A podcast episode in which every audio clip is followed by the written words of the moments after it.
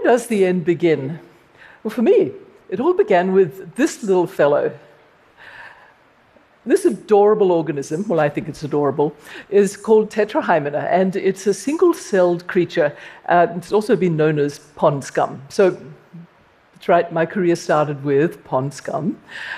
Now, it was no surprise I became a scientist. Uh, growing up far away from here, as a little girl, I was deadly curious about everything alive. I used to pick up lethally poisonous stinging jellyfish and sing to them. and, and, so, starting my career, uh, I was deadly curious about fundamental mysteries of the most basic building blocks of life. And I was fortunate to live in a society where that curiosity was valued. Now, for me, this little pond scum critter, Tetrahymena, was a great way to study the fundamental mystery. I was most curious about those bundles of DNA in our cells called chromosomes. And it was because I was curious about the very ends of chromosomes, known as telomeres.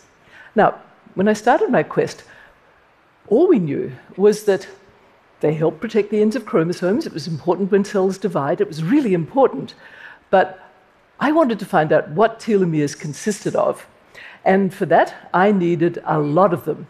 And it so happens that cute little tetrahymena has a lot of short linear chromosomes, around 20,000. So lots of telomeres. And I discovered that telomeres consisted of special segments of non coding DNA right at the very ends of chromosomes.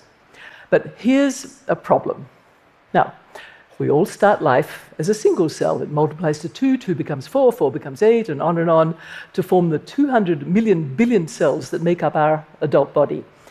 And some of those cells have to divide thousands of times. In fact, even as I stand here before you, all throughout my body, cells are furiously replenishing to, well, keep me standing here before you.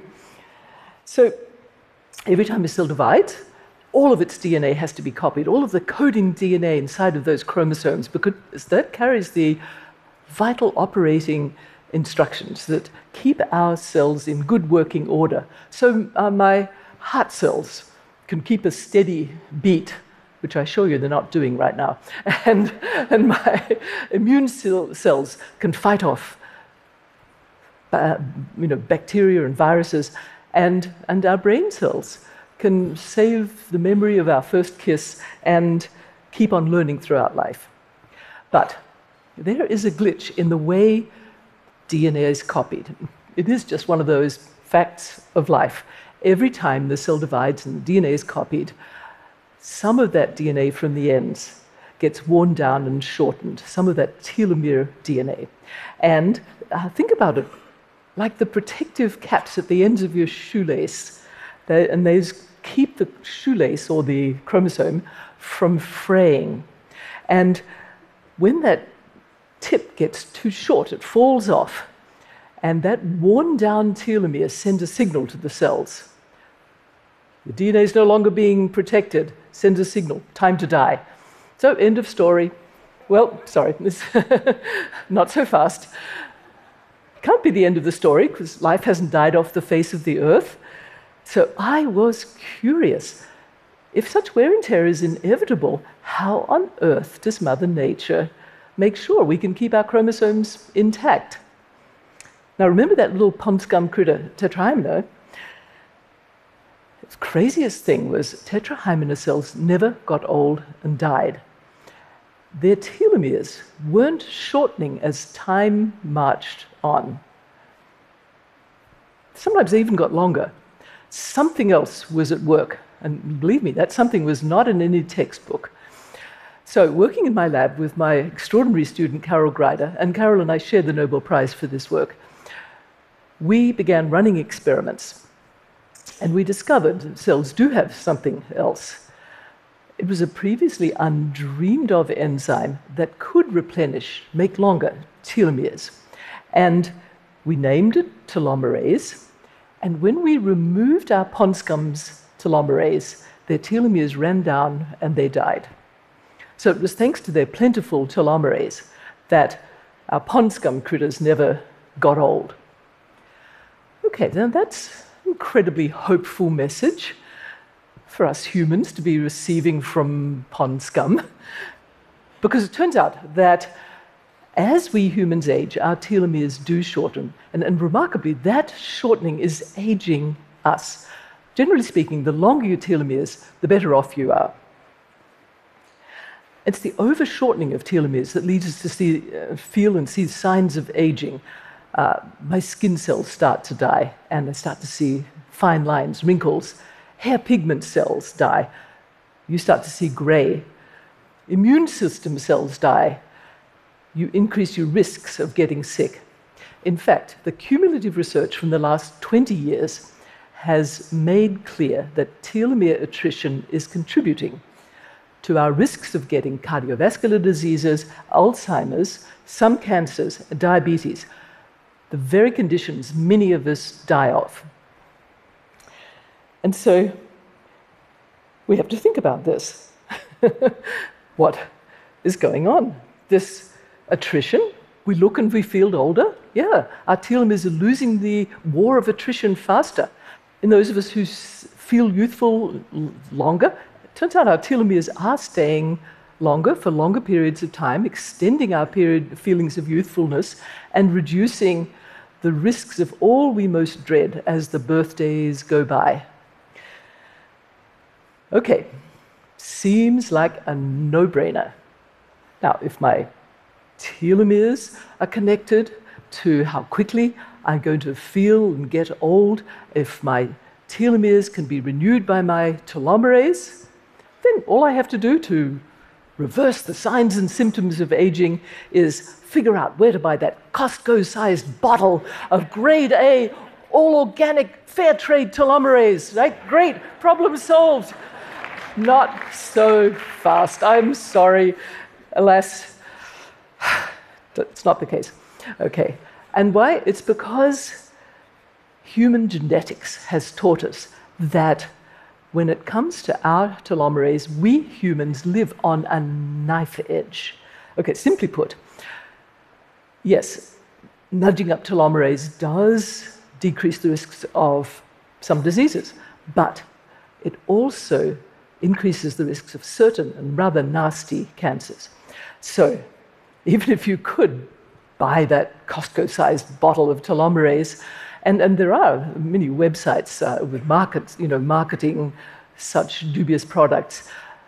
Problem is, you could nudge up your risks of cancers. And we don't want that. Now, don't worry. And because, well, I think it's kind of funny that uh, right now, you know, many of us may be thinking, I'd rather be like pond scum. right. There is something for us humans in the story of telomeres and their maintenance. But I want to get one thing clear it isn't about enormously extending human lifespan or, or immortality, it's about health span. Now, health span is the number of years of your life when you're free of disease, you're healthy, you're um, productive, you're zestfully enjoying life. Disease span, the opposite of health span, is the time of your life spent feeling old and sick and dying. So the real question becomes okay, if I can't guzzle telomerase, do I have control over my telomeres length and hence my well being, my health, without those downsides of cancer risks? Okay? So it's, it's the year 2000. Now, I've been minutely scrutinizing little teeny tiny telomeres very happily for many years when into my lab walks a psychologist named Elissa Epel. Now, Elissa's expertise is in the effects of severe chronic psychological stress on our minds and our body's health. And there she was standing in my lab, which, which ironically overlooked the entrance to a mortuary. And, and, and she had a life and death question for me. What happens to telomeres in people who are chronically stressed? She asked me. You see, she'd been studying caregivers, and specifically mothers of children with a chronic condition, be it gut disorder, be it autism, you, you name it, a group obviously under enormous and prolonged psychological stress. I have to say, her question changed me profoundly. See, all this time I'd been thinking of telomeres as those minuscule molecular structures that they are and the genes that control telomeres. And when Elissa asked me about studying caregivers, I suddenly saw telomeres in a whole new, a whole new light. I saw beyond the genes and the chromosomes into the lives of the real people we were studying. And I'm a mom myself.